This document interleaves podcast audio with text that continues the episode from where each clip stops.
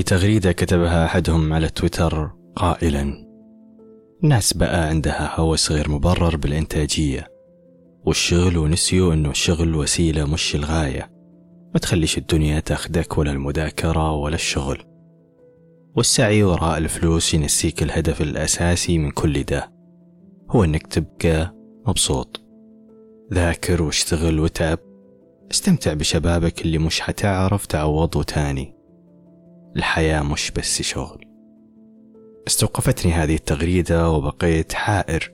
إذا كنت أتفق مع هذا الشخص في رأيه ووجهة نظره أو لا تساؤلات عديدة كانت حاضرة أمامي.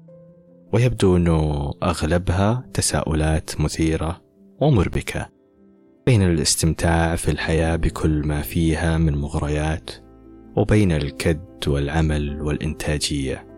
وبكل صدق هذا الشيئين أشبه ما يكونون بحجري الرحى الذي ومع الأسف الشديد كثير منا واقع بينه. إذا تصفحت وسائل التواصل الاجتماعي وتأملت الخطاب العام فالكل غالبا يطلب منك أن تصبح كمحرك. لا يتوقف هديرة. الكل يحاول أن يجعل منك عجلة تدور دون توقف. هكذا ترتقي الأمم وهكذا ندفع بعجلة التنمية. وهكذا نصبح أفراد فاعلين في المجتمع ويشار إلينا بالبنان. وإذا انتقلت إلى كتب تطوير الذات ومنظريهم فالأمر يبدو في كثير من الأحيان أكثر تطرفا في ضرب الأمثلة في حيوات بعض العلماء وكتب خطت عناوينها بأعظم خمس أشخاص غيروا التاريخ وآخر يضم أعظم مئة عالم في التاريخ. لم لا؟ وهذه أسماؤهم خلدها التاريخ وخطت بخط عريض في الكتب وتوسدت أرفف المكتبات. الأمر شهي أن تتخيل أن اسمك في يوم من الأيام سيكتب في هذه الكتب وسيخلده التاريخ أو أن الأجيال القادمة ستتخذ منك مثالا يحتذى به وستتهاتف عليك المنصات طمعا في كلمة منك. تلقيها على الحضور أو أن تكون أحد الأشخاص الذين يقفون على منصة تيد. ليتحدثوا عن تجاربهم. الأمر شهي جدا. هذه الصورة النمطية مغرية للكثير. منذ قديم الزمن والإنسان في سعي مستمر للحصول على المكانة الاجتماعية وقد لا يغالي في صرف النفيس في سبيلها. هذه طبيعة إنسانية لا مناص منها. ولكن الذي طرأ عليها أنها أصبحت في هذا الوقت أكثر بريقا وأكثر حظوة من السابق ساهمت وسائل التواصل بشكل مبالغ أو غير متزن في تلميع هذه الصورة النمطية التي قد لا يبدو فيها الإنسان إنسانا. إنه آلة لتنتج فقط. في المقابل لا أحد يطلب منك أن تكون شخصا عاديا. فالعادية في هذا الوقت تعني صورة باهتة دون بريق.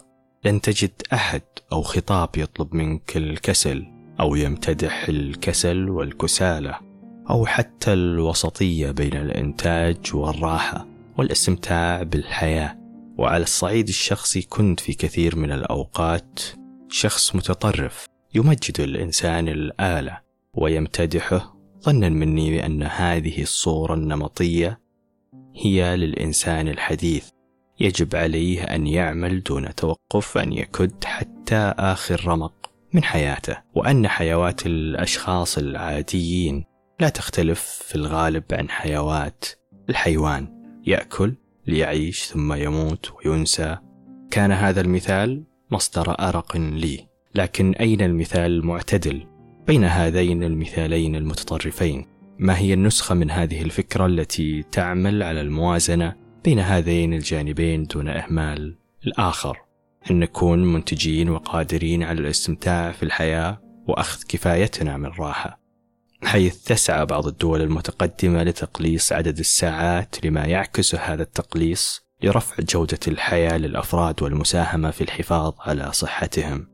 قد يكون أفضل مثال والحل الأمثل لنكون وسطيين بين الإنتاجية والاستمتاع هو أن نسعى لتحويل عملية الإنتاج إلى أسلوب حياة إلى نمط حياة بأن يصبح عملك.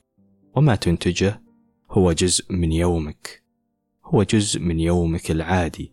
نعم جزء من يومك العادي. دون الإفراط في ساعات عمل طويل. دائما التحدي ليس في أن تعمل شيء ما أو تنتجه ولكن التحدي هو الاستمرارية في العمل والإنتاج. ولا سبيل لذلك إلا أن تعمل بنموذج يجعل من هذا العمل سهل وغير مرهق ومجزأ في يومك العادي. لذا كونوا عاديين.